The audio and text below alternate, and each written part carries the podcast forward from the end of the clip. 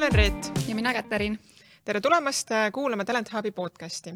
täna on meil äh, külas äh, Ragnar Sass, kes on eelkõige võib-olla Eesti rahvale tuntud kui üks Pipedrive'i asutajatest, kuid täna on investeerinud no, üle viiekümnesse iduettevõttesse kindlasti viimasel aastal on ta silma paistnud suure Ukraina toetajana, aga täna on, juhib ta ettevõtet Salto X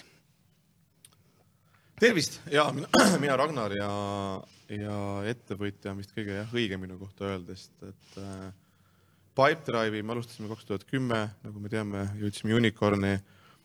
Ja täna on mu jah, kõige rohkem ma tegelen ikkagi sellega, kuidas äh, aidata ehitada tiime niimoodi, et inimesed saaksid firmades optsioone, nad saaksid sellest aru ja see motiveeriks neid, sest kogu selle Pipedrive'i teekonna võib-olla kõige suurem õppetund ja nauditavam osa ikkagi mul oli inimeste leidmine, nende motiveerimine, nendega koos töötamine, lõpuks, mis siin salata, nende õnnelikuks tegemine läbi selle, et nad said äh, vapustavalt hea töökeskkonna, ehitada toodet, mis muudab inimestel ja lõpuks nad said selle eest ka väga suure ütleme, et siis nagu äh, reward'i, äh, et nad selle teekonna olid kaasas. Ja noh, kogu see talendiga tegelemine on kogu elu olnud, ma pean mainima, et ettevõtete, nii ettevõtete ehitamises kui ka võib-olla investeerimises kõige nauditavam osa, et kohata inimesi, kes põlevad, kes on ägedad ja näha, kuidas nad kasvavad.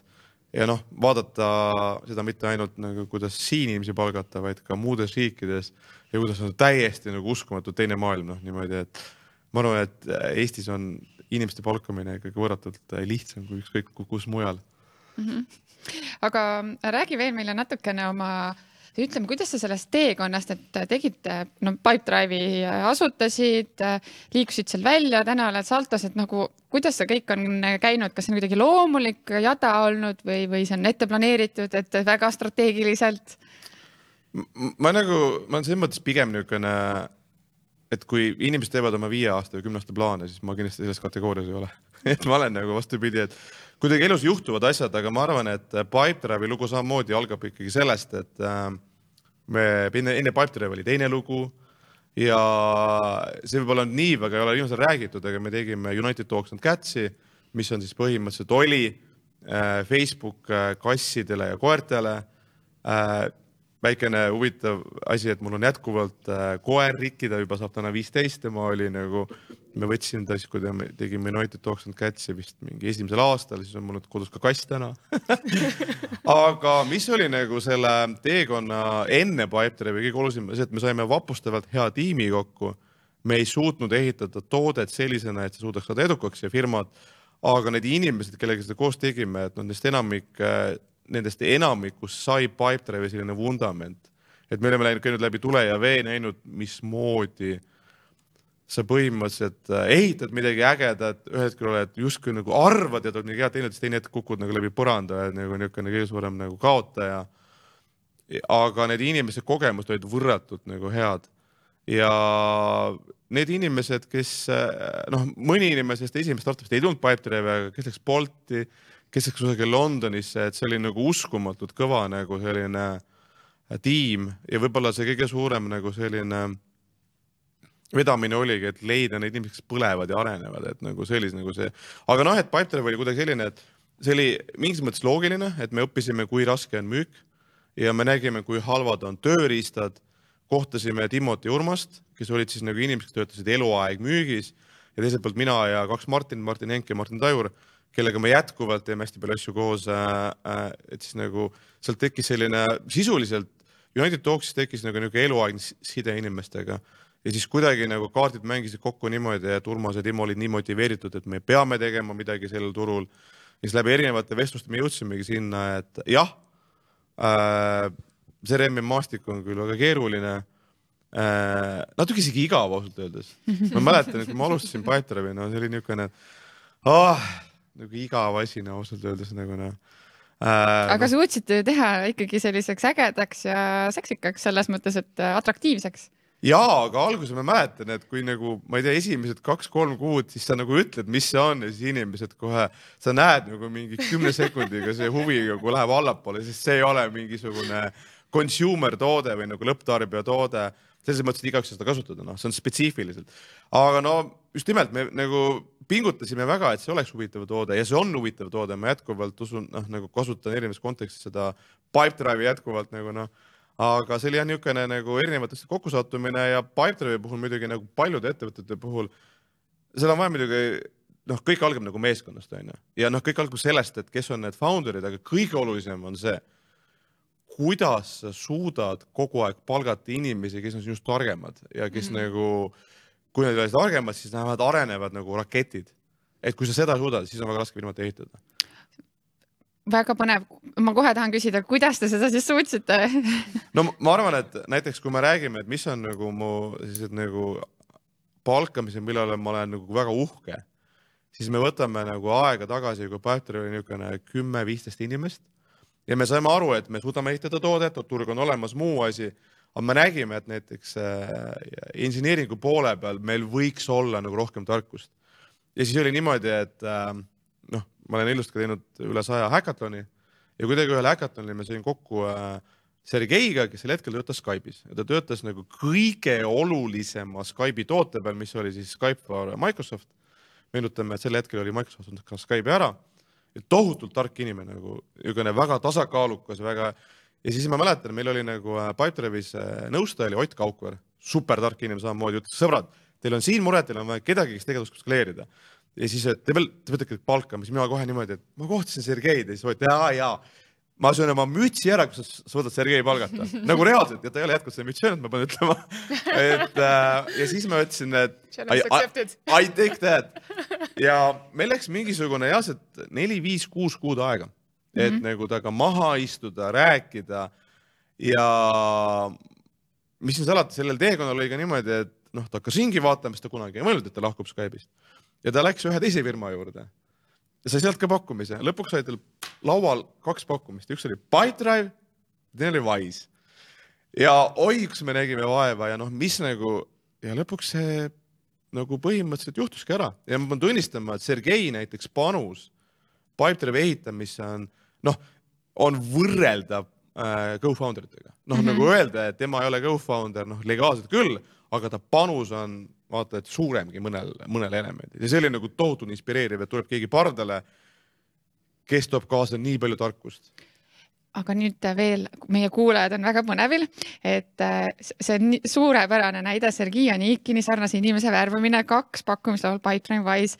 mida te tegite, mis need väiksed asjad võib-olla olid, et ta ikkagi otsustas Pipedrive'i võtta, mitte siis Wise'i? ma arvan, et meie puhul esiteks, noh, see on esiteks ma arvan, et sellised nagu tipptalendid vaatavad, kellega nad koos töötavad -hmm. ja Pipedrive'i puhul oli meil ikkagi ja ma siiralt usun, et Pipedrive'i puhul ja ka teiste ettevõtete puhul founder'id peavad olema nii hands-on palkamisel. noh, nagu loomulikult saab keegi leida kandidaadi, teha screening'u, teha ülevaate, aga sa ei saa sellise leveliga inimesi close ida ilma, et sa temaga ei istu maha founder'i levelil ja ei räägi visioonist, mida me teeme, miks me teeme, kuidas me teeme. see läheb väga palju üldistele, miks firma eksisteerib, mis on tema väärtused ja muud asjad. ja ma arvan, meie puhul oli see kaks elementi tõenäoliselt, üks on see, et, et tal tekkis klapp meiega ja ta uskus ja nägi, et see teekond saab olema väga pikk. ja teine asi, ta sai ka tootest paremini aru hmm.. et tal tekkis ka see, et, et see toode on praktiline, ma saan sellest aru, ma oskan ennast panna sellesse konteksti et äh, ja see oligi võib-olla need kaks elementi, et esiteks Pipedrive'i puhul oli meil ikkagi see, et, et väga pikalt oli meil nagu palkamises see, et, et noh, esiteks muidugi meil oli harukordne asi, et meil oli viis äh, co-founder'it, mis enamik startup'e ei ole, noh tavaliselt on kaks-kolm-neli onju. aga see tähendas ka seda, et meil oli tihtipeale palkamisel rääkis kolme erineva founder'iga mm.. nagu reaalselt no, ja väga pikalt noh, nagu ma, ma usun, et okei okay,, võib-olla kui sa oled viissada inim-, ma, ma ikkagi usun, et ükskõik kui suur sa oled sul peab olema nagu üks kaasasutaja peab olema sees nendel asjadel äh,. ideaalis kaks isegi, noh, sest et see on nagu kultuuri ehitamine ja lõpuks on see selles, et äh, loomulikult tuleb vaadata, mis on oskused, tuleb inimene, mis on väärtused, aga lõpuks see tekib just nimelt see, et, et kas see klapp väärtuste alal on nagu maksimaalne. sest mm -hmm. nagu ütleme, kõige keerulisem palgata USA-s muidugi, noh, see on täiesti uskumatult keeruline, seal ka palganud ja noh, see on ikka niisugune maailm, et Eest-, ütleme siin turul, mis on oluline, et pigem sa saad aru, kes see inimene on. me ei ole õppinud ära seda everything is good, amazing oh my god. et äh, sa pead tihtipeale suruma seda informatsiooni välja, et mis see emotsioon on. kõik on hästi mm. -hmm. normaalne mm. -hmm.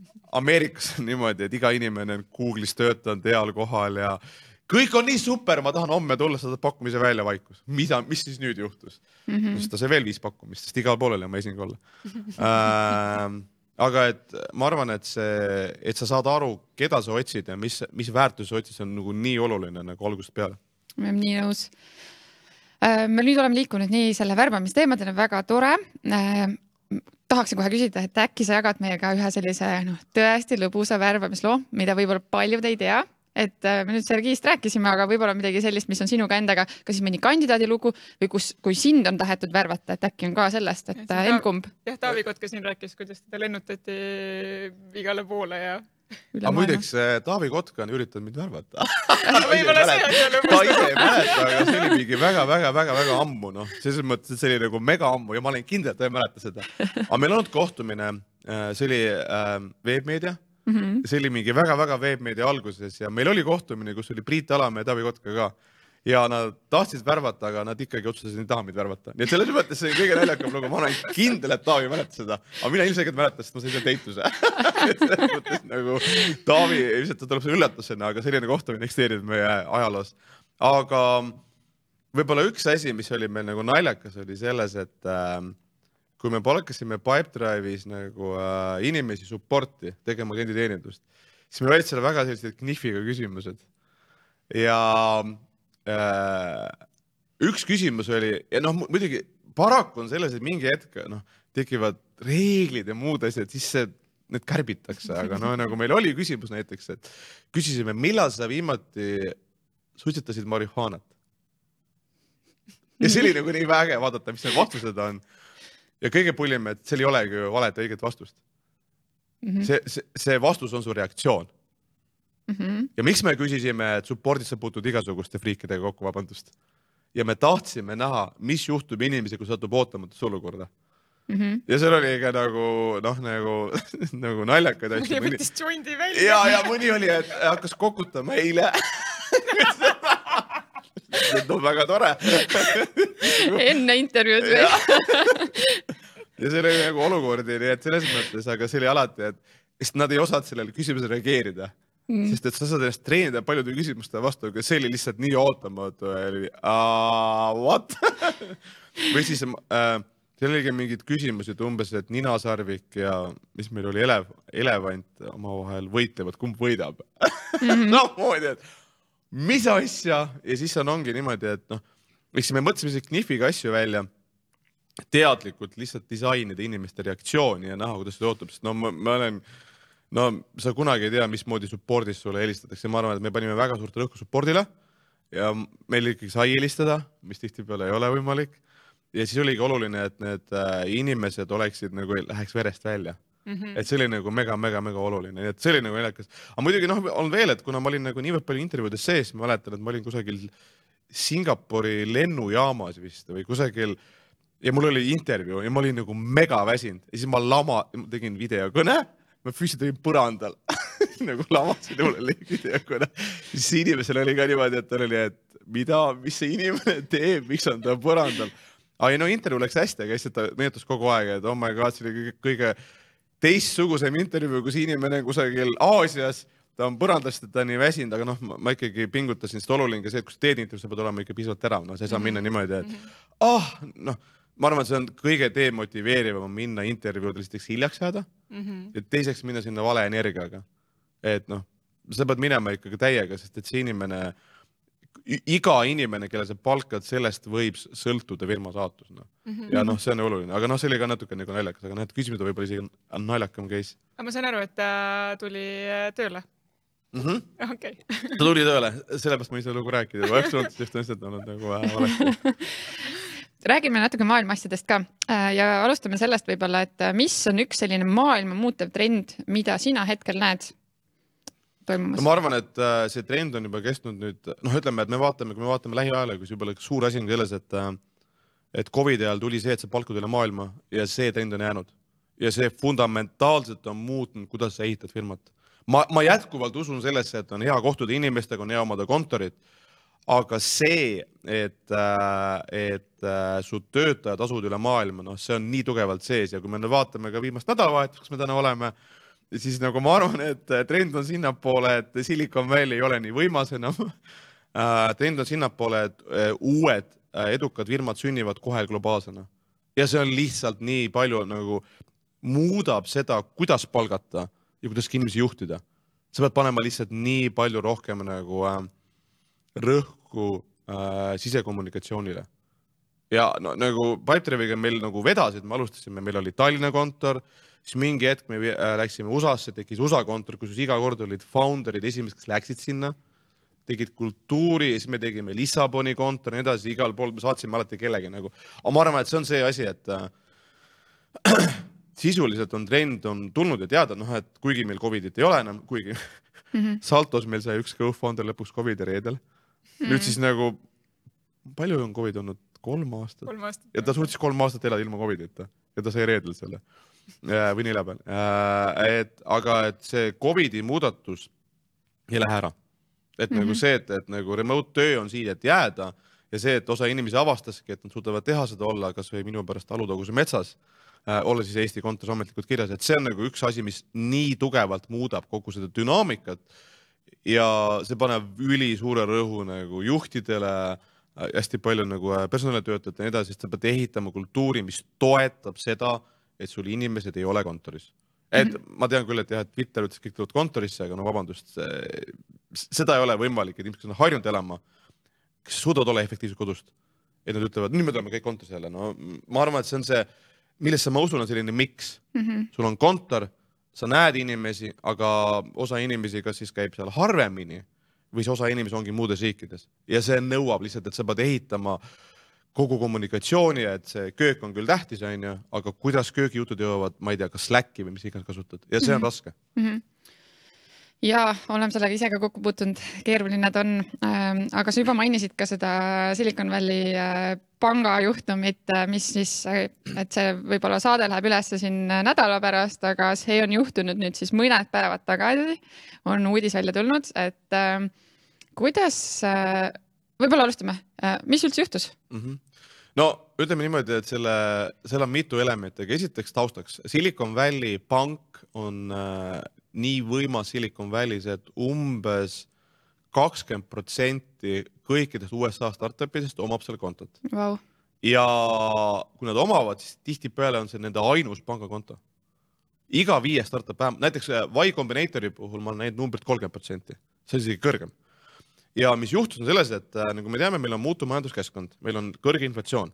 kuidas inflatsiooni põhimõtteliselt äh, saada kontrolli all, on see, et, et USA keskpank tõstab intressimäärasid ja see muudab palju mängureegleid. Silicon Valley pangal on see, et, et kakskümmend, kakskümmend üks aasta peale Covidit või noh, see on teine Covidi aasta, juhtus tohutu buum, et startup itesse tohutud summasid ja tal tekkis nagu niimoodi, et tal äh, suurusjärgus äh, neljakümne miljardi pealt kasvasid varad saja miljardi peale. ja et seda tohutut rahahunnikut nagu suunata, ta, ta paigutas selle kapitali väga äh, noh, nagu väikse riskiastmega nagu põhimõtteliselt kinnisvaraga seotud nagu instrumentidesse, kus oli fikseeritud see protsent mm. ja see pandi lukku. nüüd täna on juhtunud see, et intressimäär on nagu tohutult äh, tõmbunud üles ja see põhimõtteliselt see sellel hetkel tehtud äh, põhimõtteliselt instrument osutus kahjumit tootvaks. ja kujuta ette, kui sul on miljardid, see toodab väga palju. Nad hakkasid seda sisuliselt äh, muutma ja müüsid selle maha saades mingisugune üks koma viis miljardit kahjumit. ja ütlesid nagu ülihalvas kommunikatsioonikeeles, et me nüüd kaasame muud kapitali, et seda auku nagu täita. ja see oli vist teisipäeval umbes mm. -hmm. ja sellega kaasnes nagu niimoodi, et äh, tekkis hull segadus ja siis vist üks äh, selline tegelane nagu Peeter Thiel ütles oma kõigidele ja Peeter Thiel äh,, äh, PayPali co-founder, tohutult äh, suure jõuga äh, põhimõtteliselt nagu VC osas, ütles oma portfooliole, et võtke raha välja. ja siis juhtus selline uskumatu asi nagu, et nagu. kõik võtsid välja äh,? kõik ei saanudki välja võtta aga päevaga, neljapäeval eelmisel nädalal võeti nelikümmend miljardit dollarit välja pangast ja mitte ükski USA pank ei suudaks sellisele asjale vastu pidada. ja siis reedel USA riik võttis panga üle. ja juhtus niimoodi, et äh, no neid listid on palju, aga noh, nii mõnigi startup, kes ei olnud Peeter Thieli nagu portfoolios või muu, avastas reede hommikul, et tal ei ole füüsiliselt enam juurdepääsu kogu oma kapitalile. ja mis siis juhtus, oli selles, et sisuliselt niisugune kogu reede, kogu laupäev, pühapäev käis tohutu möll, kuidas päästa startup'i sisuliselt, kui see pank läheks nagu õhtule, see tähendaks seda, et äh, äh, ma arvan, et ja, et mingi iga viies USA startup ei saaks palka maksta ja siin on kaks asja. esiteks on selles, et äh, sul on kapital seal, aga teiseks, mida inimesed võib-olla nii väga ei adu, selles, et Silicon Valley pank oli ka suur ökosüsteemi osa. palju startup'id kasutasid seda, ma kindlasti tean, et kaks startup'i, mis pakkusid palga maksmise teenust teistele, kasutasid nende panga tehnoloogilist lahendust mis tähendab, et äh, kui sul on automaatne, et äh, saada näiteks välja, ma ei tea, ütleme, et siis äh, kolmeteistkümnendal märtsil see makse toimus sellega, mis tähendab, kõik need automaatsüsteemid kukkusid maha ka veel. nii et, et see segadus, mis tekkis, on tohutu. lõpetades sellega, et nüüd, kui me seda hetkel lindistame, USA börsid ei ole veel lahti. me ei tea, mis juhtub, aga fakt on selles, et äh, üks pank oli liiga võimas, nende riski riski põhimõtteliselt juhtimine osutus valeks ja siis tekkis paanika ja tuli selline välja, et Eestis on ähm, no ma arvan, et äh, kümme startup'i vähemalt, kellel see raha on sees. Nendest ühel kindlasti on äh, see summa üle kümne miljoni äh,. see ei puuduta startup'e, kes on Eesti legaalse kehaga. jah, Boltis ei puutu üldse, Bolt on nagu, et juhuu, me oleme nii sõltumatud ja aga see puudutab kindlasti mingi startup'e ja noh, see möll, mis on käinud, on täiesti kujutelematu, noh nagu sellist asja, ma olen näinud inimesi, kes on sellise üliliberaalse vabamajanduse või isegi toetajad, ütlesid appi, USA riik peab need päästma. et et see on olnud tohutu möll, mis hetkel on toimunud. Mis selle nüüd äh, efekt või tule või mis need tulevikustsenaariumid või efektid nüüd äh, on? Edasi? No esiteks on selles, et kindlasti on teada, et iga viis, kes investeerib, nõuab, et sa maksid raha kolme panka. no see on täiesti nagu, et see raha jaotub laiali ähm, ma arvan, et riski juhtimine ja ka see arusaamine, et sa lihtsalt ei tohi hoida nagu kapitali ühes kohas, see on, see on nagu põhiline. ja tõesti juhtub ka selles, et ähm, just nimelt see väiksem efekt, mida ei tajuta, et kui sa kasutad nagu palga maksmiseks mingi automaatikat, et sa pead mõtlema ka plan B-le mm, -hmm. et kui see maha kukub nii et, et äh, me peame arvestama, et USA-s ju makstakse palka palju tihedamini. et Eestis on meil jah, et kord kuus, aga seal on see hoopis teine süsteem äh,. kes maksab kord nädalas, kes kahe nädala tagant onju äh,. nii et, et ma arvan, et mõjud on selles, et riski juhtimine läheb tugevamaks, sa pead mõtlema läbi asju ja pead looma kohe plaan B, et see, et juhtuks see, mis hetkel juhtus, onju, noh, mis on täiesti nagu. Silicon Valley pank on nii võimas, et noh, ma olen seal ise käinud, Piperil oli seal kunagi konto. ja siis on ka see, et, et tihtipeale on see, et, et ta kolmas level, mida ei aimata, on selles, et ta aitas startup idele ka lükata edasi fundraising ut, andes neile väga spetsiifilist äh, instrumenti nimega venture debt, mis tähendab, et kui sa oled tõstnud riskikapitalilt raha, sa saad võtta nagu niisuguse selle põhjal nagu näiteks mingi kaks miljonit, ütleme nagu venture debt'i, mis on siis nagu, nagu laenusagune instrument, aga nad nõuavad, et sul oleksid kõik kapital sealsamas pangas mm.. ma arvan, et see instrument ka ei lenda enam. see kindel on see, et viis ütlevad, me ei ole nõus sellega. me võime teha seda, aga me peame, meil peab olema mingi kapital ka mujal ja ütleme, need, need asjad, mis kirjutatud nädalavahetusel oli selles, et kõik te peate panema kõik maksed kinni, te peate ütlema oma klientidele, et me teile hetkel ei maksa, sest meil on vaja maksta, no ütleme, see möll, mis toimus nädalavahetusel, on ütleme võrreldav kahe tuhande kaheksanda aastaga, nüüd me pasime selle vahega, toimus nüüd ühes sektoris mm -hmm. ehk siis startup ides. Need, need muutused, mis sa siin äh, tõid välja või mis nüüd hakkab juhtuma, olid pigem olid positiivsed, et no selles mõttes, et, et vaadatakse üle ja nii edasi, aga kas sa tegelikult näed seal mingit suuremat palli ka täna? no suures äh, mastaabis on selles, et ega see on ikkagi märk äh, finantssüsteemi ähm, nõrkusest ja tõenäoliselt nagu see ei ole hea uudis kogu meie startup'ide fundraising utele. Äh, mis siis tähendab seda, et ikkagi see suurem mõju võib olla ka selles, et see karm fundraising'u või raha tõstmise kliima meil hetkel täna, ega see nagu paremaks ei lähe, et kõik esitavad küsimusi, kuidas see asi tekkida. ja võib tuua kaasa selle, et, et kui täna noh, ma tean näiteks Euroopas paljud investorid nõuavad, et palun ehita plaan, kus on sul on äh, kahe aasta run rate'iks võimalus äh, mitte noh, et kapitali vähemalt kahe aasta jaoks mm. -hmm. varem oli see kaksteist kuud mm, -hmm. nüüd on see kaks aastat mm. -hmm. nüüd hääled lähevad tugevamaks mm. -hmm. et kui, kui sügisel oli raske, siis kevadel on nüüd veel, veel. ma ei näe, et see kliima mm -hmm. hetkel kohe muutuks ma arvan, et äh, kuue kuu pärast, mis saab, on, kui üldse see rattasport kliimale paremaks, siis ma arvan, et võib-olla sügise poole Mm -hmm. et hetkel ikkagi seda segadust ja ka see, et, et ikkagi meil on jätkuvalt siin lähedal, noh, mitte meie lähedal, aga ütleme, et siis Euroopas toimub sõda, mis tõenäoliselt nagu äh, saab teise pöörde kuu-pooleteise pärast ja suvel. ja ma petin, et see asi võiks nagu natuke minna uude tsüklisse ja natuke nagu maha juhtuda ehk sügisel, noh, mitte et ära kaduda, siis see kõik mõjutab, nii et ütleme, et see finantskliima meil äh, ütleme, jääb selliseks nagu sellega tuleb tegeleda jälgida, et olla kindel, et sul on nagu piisavalt kapitali oma töötajaid omada ja võibki juhtuda, et äkki tuleb mingisugune väikene jällegi tiimide ülevaatamine globaalselt ka mm. -hmm. et, et see, ma, ma, ma arvan, et kogu sellel töötajate palkamise ala, siin on üks oluline asi. Eestis on olemas Bolt, kes lihtsalt nagu muudab meie trendid teistsuguseks, ta on nii suur Eestis ja tema jätkuvalt palkab mm. -hmm. mis tähendab, et kui keegi täna, noh, paljud startup'id nagu vähendavad oma, oma meeskonda, siis Boltil on see jõudlus, sest ta sööb selle nagu efekti ära mm. -hmm. Okay. et tegelikult äh, ega isegi uskumatu oli, et eelmise kuu jaanuari ja veebruari äh, vabade töökohtade arv Ameerikas oli jätkuvalt nii suur, et, et see kõik statistika, statistika analüütikud olid imestanud, et see oli vist veebruaris umbes kolmsada viiskümmend tuhat äh, vaba töökohta, et seda ennustati palju madalamalt, et ikkagi nagu värvatakse, inimesi liigub, et aga noh, muidugi ähm, vaatame, mis saab, on ju. no ebakindlus on kõige suurem. jah, see ebakindlus. ja samamoodi, kui me võtame nüüd, tuleme siia kodumaale, siis äh, mis on meile huvitav, et meil küll viimane kvartal oli majandus kahanes neli protsenti vist äh, aastasel baasil aga inimeste hoiused pankades on ajaloo kõige kõrgemal tasemel.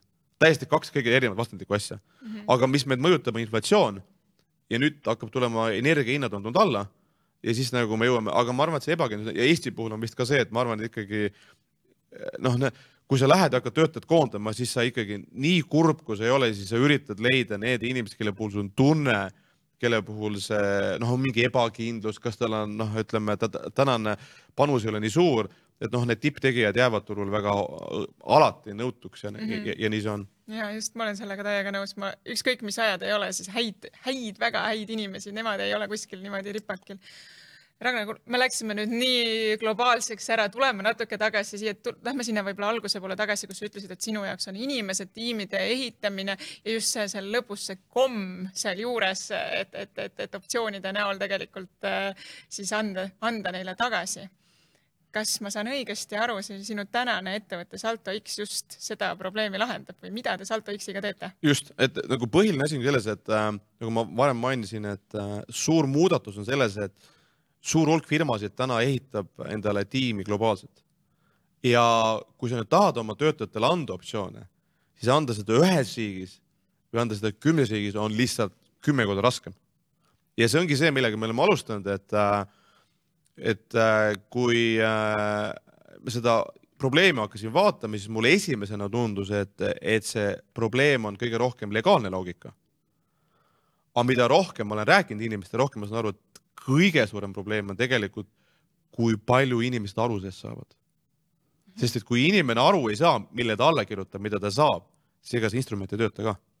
nii et, et põhimõtteliselt see, millega me oleme täna kõige rohkem võtnud fookuse, et kuidas muuta optsioonide andmine lihtsaks nii äh, lihtsamaks, just ega ta lihtsaks, kui nagu noh, päris lihtsaks teda nagu lõpuni ei saagi muuta, et seal jäävad mingid asjad nii, nii sellele ettevõtte juhtidele kui hästi olulisena, kuidas muuta see kommunikatsioon ja tuua siia juurde nagu see osa, et töötajad saavad aru, kuidas see töötab, mis on selle väärtus, mis on see muu asi, et nad oleksid motiveeritud. ma arvan, et see on see kõige suurem asi, et, et see Salto X-iga, mida me ehitame, on sisuliselt on platvorm, kus kus sa saad hakata seda anda optsioone välja.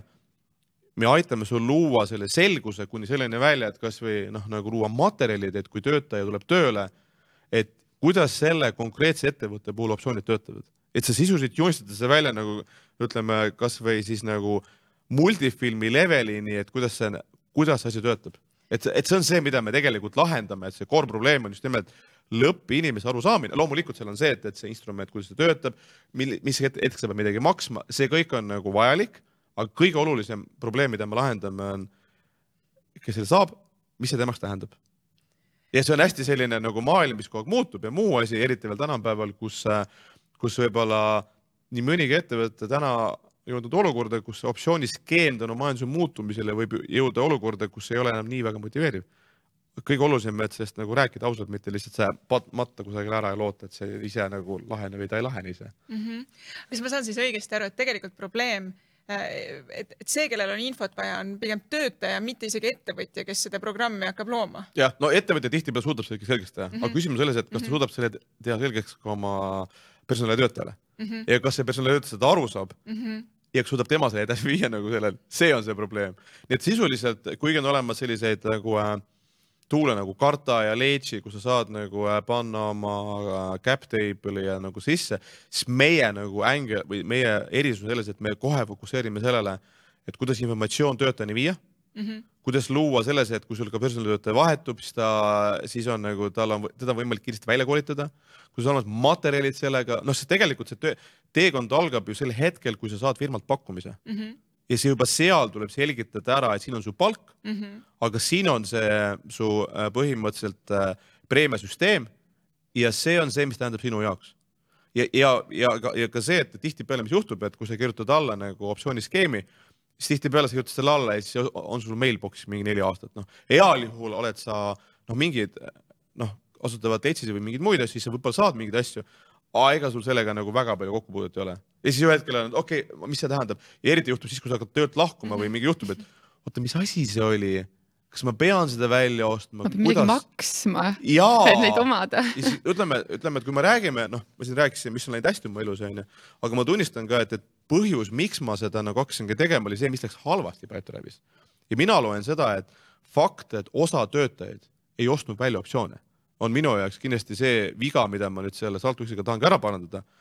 et tuua kaasa selle, et inimesed ostaksid selle välja, sest ma tunnistan, et ma kuulsin mõnest töötajast, kes ei ostnud välja, istusin kohe nendega maha, selgitasin selle nagu paberil välja ja aitasin kasvõi nagu välja osta seda mm. -hmm. aga oli inimesi, kes lihtsalt ka nagu nende summade tõttu, ma pean käima kümme tuhat välja mm. -hmm.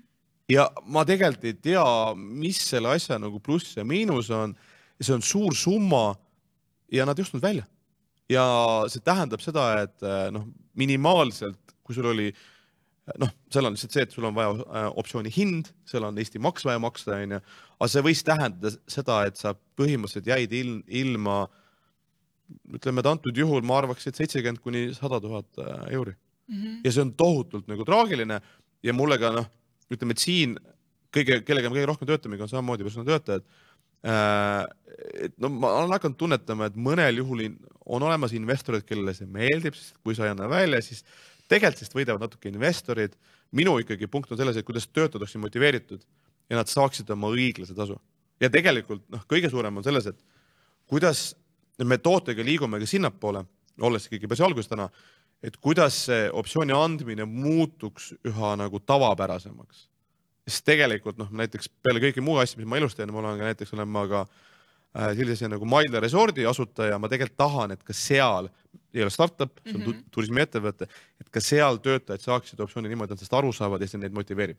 sest ma usun fundamentaalselt, et suur trend on ikkagi selles, et kuna töötajate väärtustamine läheb üha, üha suuremaks ja, ja see kõik need trendid, mis me näeme tehnoloogias, nihkuvad ka mujale, siis kuidas see optsioonide andmine jõuaks ka nõnda-öelda vana maailma traditsiooniliste ettevõtetesse.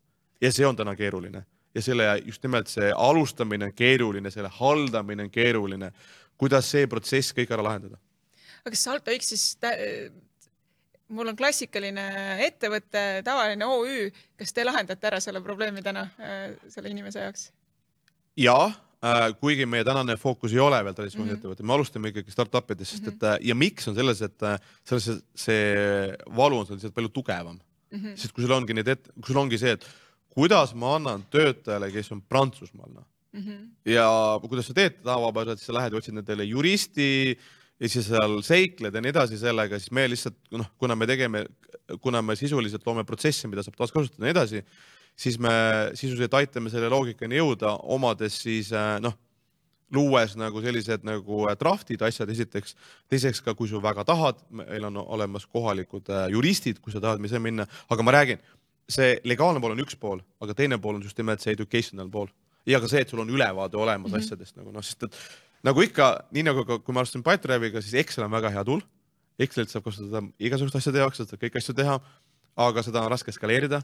nii et ka siin on selles, et kui, äh, üks asi, mida me selle Saltüksiga nagu step by step hakkame asendama, selles, et sul on ülevaade mitte Excelis, vaid kusagil mujal, mis saadab sulle certification'id ja muu asi ja räägib asju inimkeeles mm. -hmm aga kas te aitate neid, seda optsiooniprogrammi ka ettevõttel luua, sest tihti, okei okay.. täpselt ja mis siin salata, et hetkel näiteks me teemegi ühe lühiajalise kampaania, mis ütleb, et äh, kui sul ei ole optsiooniprogrammi ja sa oled niisugune standardne ettevõte, mis on oluline, miks see standardne, selles, et kui sa oled ehitanud oma selle ettevõtte legaalse loogika väga keeruliseks, siis sinu jaoks ei tööta standardsed nagu äh, draftid ja dokumendid.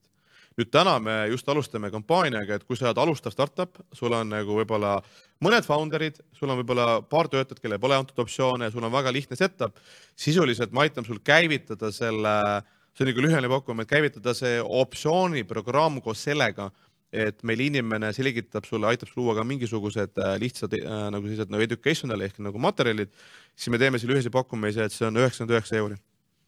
ja selle reaalne väärtus, kui sa hakkad seda raha kulutama yeah., sa maksad nagu tuhandeid ja tuhandeid see oli see, võib-olla minu küsimus, see oligi see, et väga palju nagu ähm, jääbki selle taha, et ei osata, siis tahaksid teha, siis see tundub õudselt kallis, et see kogu see, see info nagu on segane. aga nüüd ma saan aru, et tegelikult veel segasem on selle töötaja jaoks, kuigi ma ise nagu uskusin seda, et meil on nii palju neid Wise ja Pipedrive'i neid, neid edulugusid on juba nagu olnud, et, et noh, igaüks teab kedagi startup valdkonnas, kes nagu on tänu sellele ma ei tea, rikastunud siis, et, et võiks juba teada, aga, aga tegelikult me puutume ka kokku sellega, et. noh, halbu lugusid on ka kuulda, et, et tegelikult, et kus on läinud, keegi ongi täpselt optsioonidest ilma jäänud või nagu midagi on viltu läinud, et, et selles mõttes neid lugusid on ka, räägitakse lihtsalt vähem ja, aga sul, sul on õigus, et kui me võtame nagu Eesti tervikuna, siis kindlasti on see olukord äh, nagu tänu sellistele äh, headele lugudele parem, kui ta oli varem mm. -hmm. aga mis lähebki, nagu ma räägin, et äh, üks on see, kui sa räägid Eesti inimesele, aga teine on see, et kui sul näiteks arendaja, ma ei tea, Moldaavias mm, -hmm. ta ei ole kunagi olnud, mis see on nagu, kuidas see töötab, lihtsalt noh, näiteks äh, mul on äh, super, et meie üks äh, töötaja tuli Wise'ist, ta töötas seitse aastat, Kaisa, ja ta sisuliselt tegigi, lendas Floridasse, tegi neid äh, nagu seminare ja nii edasi, noh ja kogu see asi, mida ta siis selle teekonna jooksul kogus Wise'is, noh et mitte ainult see, et, et mida me tegime Pipedrive'is, vaid mida tegi, sest Wise oli äh, kui Battery oli, oli, oli legaalselt nagu USA ettevõte, siis Wise oli UK ettevõte ja nüüd me räägime, et üha rohkem on Eesti ettevõtted mm. -hmm. ja see kõik segab, see kõik lisab seda komplekssust juurde, noh.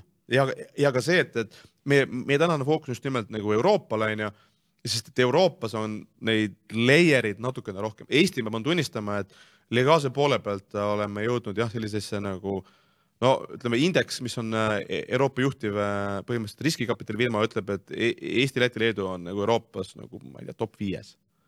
aga ikkagi seal on see kolme aasta reegel, et no need mm -hmm. väikseid detaile on nii palju nagu, lõpetades ka sellega välja, et noh, mis te olete, et kuidas olla kindel, et see oleks nagu pigem selline programm, mida hiljem muuta ei saa, noh -hmm.. et ka, et noh, sisuliselt ikkagi, kuigi ettevõte maksab meile meie fookus sellele, kuidas luua asjad, millel on madal riskitase, et asi läheb katki hiljem.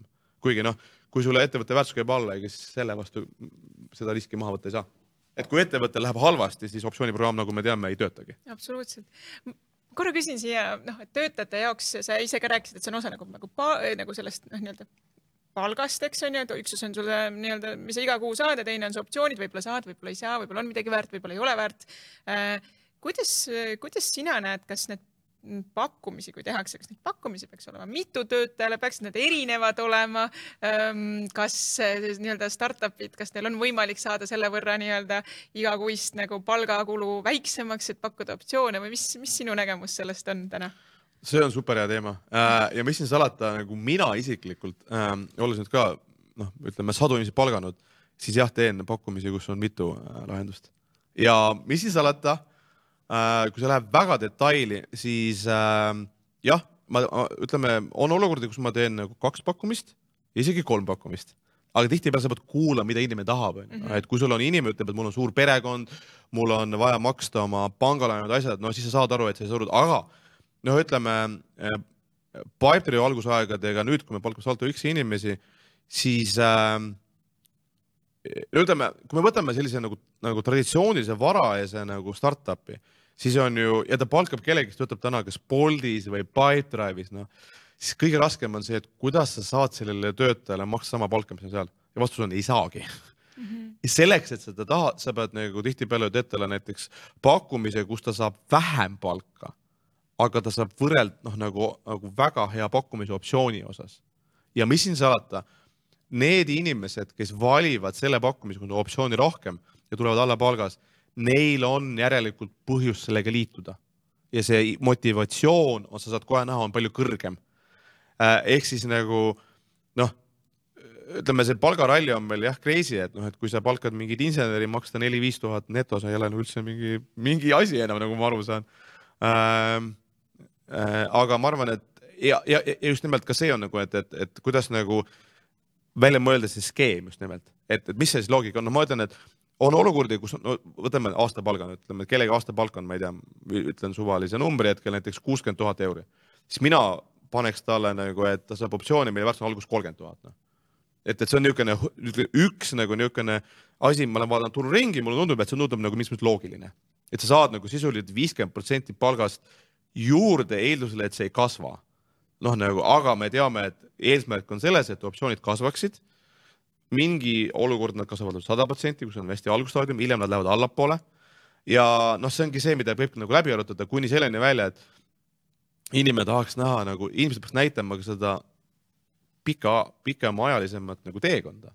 et see, mis on täna kolmkümmend tuhat väärt ja kui noh, ja seal on alati see, miks seda kardetakse rääkida, on see juriidiline pool nagu mm, -hmm. et, et eh, ja see ongi see, kus saame tulla meie mängu, et kui meie lehel, Saltuxi lehel on kalkulaator, kus sa saad panna ise numbrid sisse ja mängida, siis ettevõttel ei ole legaalset riski enam mm. -hmm. et sa saadki, et, et palun pane need numbrid sisse, see on oletus kokkuvõttes, aga sa saad ju noh, väga tihti ettevõtted äh, algstaadiumis jagavad oma käivet, oma tulemusi tiimiga, et neid motiveerida ja saad kogu aeg minna tagasi kalkulaatorisse ja mängida, mis tähendab mm. -hmm. sest et tihtipeale ongi raske kalkuleerida, et asi, mis on kolmkümmend tuhat väärt alguses, võib olla lõpuks väärt näiteks kakssada tuhat.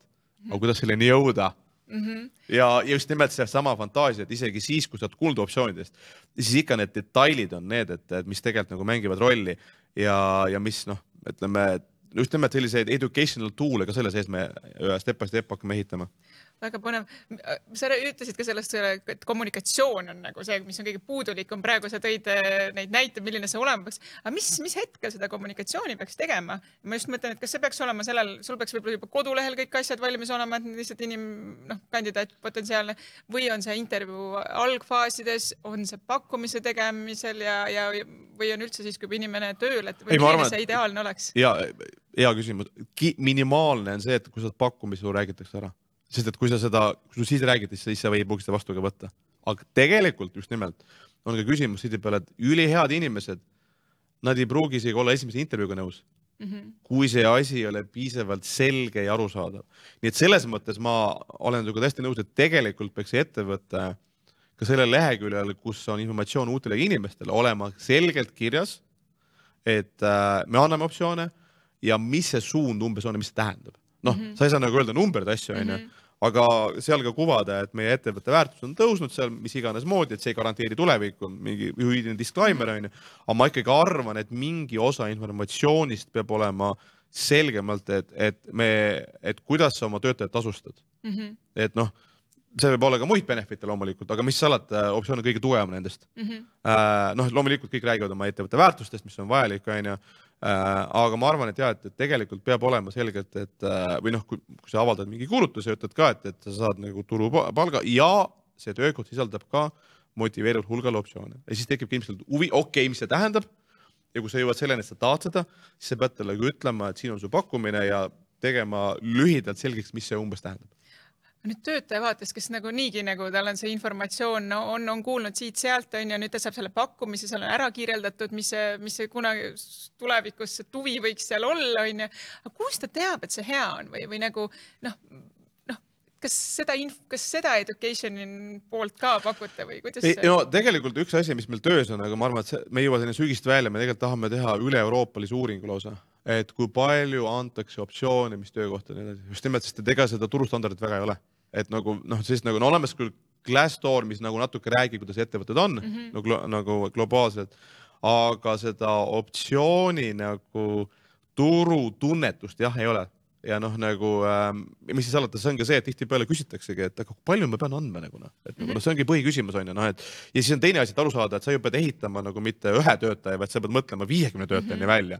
siis kui sul on kümme protsenti on nagu optsiooni puhul, arutama, kui kaua sellest nagu, et kaua see jagub lihtsalt mm -hmm. nagu noh ja, ja, ja mis on see loogika ja see on ka see, mida noh, samamoodi tihtipeale nagu siis äh, founder'id ootavad meilt mm, -hmm. et, et palun ütle mulle mingi suund kätte, noh loomulikult sa saad mängida, onju, no näiteks ka näiteks see, et, et äh, äh, tihtipeale on see, et, et kui sa palkad mingi tipptegija, kes tuleb sul näiteks juhtima mingisugust äh, valdkonda, noh, olgu ta siis nagu vice president of mis iganes nagu engineering ja muu asi, veel talle anda, noh mm -hmm. ja see on ka see, et, et, et ka see informatsioon on see, mida esiteks olles selle teekonna läbi käinud Pipedrive'is on ju, see on ka see tegelikult, mida me saame noh, anda selle suuna kätte, et näed, me usume, et see on üks nagu teekond, sa saad sellega mängida, teha endale meelepärasemalt, aga just ongi see oluline, et sa pead planeerima rohkem mm -hmm. kui kuus kuud, sa pead mõtlema sisuliselt kaks-kolm aastat ette. õudselt põnev, sest just ongi see täpselt, et, et noh, ei tea, palju, palju ma siis annan ja mis see siis normaalne on ja siis tihtipeale ju, mis see on, sa pead ju ise teadma, sa oled ise ettevõtja, no mis sa tahad anda, nagu mõtle ise välja nagu, no, ma ei tea, ma teen esimest korda, ma ei tea, mis see nagu, ma ei näe neid nagu agasid, mis võib tulla või mis ja töötajal täpselt samamoodi vastu, et motiveeriv äh, optsiooniprogramm on meil. Okei okay,, motiveerib, kas, kas see on nüüd, on see nüüd see hea motivatsioon või mitte, et kui sa oled juba võib-olla kolmest kohast saanud neid optsioone, siis sul tekib nagu see arusaam hm,, kuule, see sinu pakett ei ole üldse nagu nii hea nagu kui see, et ma ja oskab seal nagu kaasa rääkida, aga, aga täna on ikkagi see, et noh, ta ütleb, et see on motiveeriv, ma siis usun, et on motiveeriv, et seda, ma arvan, et noh, see probleem, mida te lahendate just selle kommunikatsiooni poolt, et see on õudselt vajalik ja, ja tegelikult see algaski pihta sellest, et kui me vaatame, et inimesel on mingi palk, mis ta saab, siis ega see motiveerib, peab olema ikkagi märkimisväärse suurusega. noh, et, et kui sa ütled talle, et ta saab aastas, ma ei tea, näiteks kümme protsenti preemiat, noh, siis on see hea, aga see ei ole väga hea, oleme ausad. et selleks, et nagu see mõjuks sulle väga motiveerivalt, see number peab olema ikka palju kõrgem ja see ongi see, noh, mis ma soovitan alati, et nagu selgitada ka, et, et siin on sul garanteeritud palk, onju aga noh, nagu see optsiooniprogramm peab looma sulle märkimisväärse, noh, ma ütleks ikkagi, et noh, inimene peab suutma kalkuleerida, et mida suuremat sellest endale ostab sisuliselt, mis sa saad mm -hmm. seepärast, et see on ju nelja aasta programm mm. -hmm. mis tähendab, et ta sisuliselt kogub endale mingisugust, olgu see siis, kes nimetab seda, ma ei tea, väikeseks nagu pensionisambaks, milles iganes, see peab olema märkimisväärne hulk, hulk kapitali. Et nagu muidu see, no ma ütlengi, et kõik need muud nagu ütleme, lisaväärtused on ju, et me saame sporti, muud, need on kõik vajalikud aga see on ikkagi suur-suur osa, noh, sellepärast ma ütlengi, et mina igal juhul, olles teinud nagu, arvutan seda läbi aastapalga ja siis mõtlen, mis on see level. no ma ei saa öelda kõigile, et kõik peavad panema viiskümmend protsenti, noh. mhm. aga ma arvan, et viiskümmend on ära testitud level, kus inimese puhul jah, see on suur summa mm. -hmm noh, et viiskümmend protsenti aastapalgast võiks olla siis optsiooni. no, noh, ideaalses maailmas on ju, et äh, okei okay, äh,, aga põnev on olnud, meil on nüüd viimased kaks kiiret küsimust. Mm, ja lähme nende juurde ähm,. mul on üks küsimus veel aeg saab otsa, aeg on juba otsas äh,. meil on äh, kaks küsimust ainult ja pole midagi. ja siis tuleb üks sinult tekib veel ikkagi meil on aeg läbi äh,. selle lõikan välja äh, nii, aga küsimus esimene selline lugemis-kuulamissoovitus. oh issand jumal, muideks äh, ma olen selline väga, ütleme, et esiteks, kuna ma olen ettevõtja ja muu asi, siis ma tihtipeale loen selliseid nagu asju nagu hard things about hard things, et kui raske ettevõtja elu on ja muu asi või siis äh, olen ka lugenud ühte raamatut, mis äh, põhimõtteliselt räägib, kuidas sõjaväes inimesi nagu treenitakse asju. et noh, kui ma vaataks selle poole pealt, et Äh, et oli üks eriväelane, kes kirjutaski, et sa pead tegelikult oma tiimi suutma niimoodi ehitada, et sa lähed ja nendega lähed, jääd metsas ellu ja nii edasi, noh, et nagu need on need asjad, mida ma tihtipeale loen, et nagu äh, tihtipeale ettevõtjad, noh, kellega kõige rohkem suhtlen, et nad kõik, kõik elu on nii raske, muu asi, aga tegelikult meil kõigil on elu raske, noh, ja see ongi selle teekonna osa nagu noh. ja selles mõttes nagu äh, ja mis siis alati, et neid viimasel ajal, no kuna see elu on nii crazy onju, siis ma võib-olla olengi viimane aasta aega just neid uusi asju ei ole jõudnud piisavalt ette võtta, aga jah, et, et hard things hard things kindlasti on üks mm, -hmm. üks oluline asi aru saada, et tihtipeale iga startup on mingi nädal-kaks nagu pankrotist puudu ja see on nagu nii tavaline, et that's see on nende tehnoloogiaettevõtete eripära. sa pead juhina küll suutma seda niimoodi peegeldada, et inimesed ei paanitse mm. -hmm. see on hästi-hästi raske. ja teine küsimus, üks inimene, kes sind inspireerib? tead, ma võin, ma võtan selle hästi nagu lähedalt, et kui nagu see inspiratsioon, noh, siin on nagu kaks, ütleme, kui me vaatame viimast kahtteist kuud, siis on muidugi see Ukraina president Zelenskõi. et kuidas inimene on muutnud ajalugu ja me näeme ja seda tunnetame nagu äh, ajas, hetkel, just nüüd.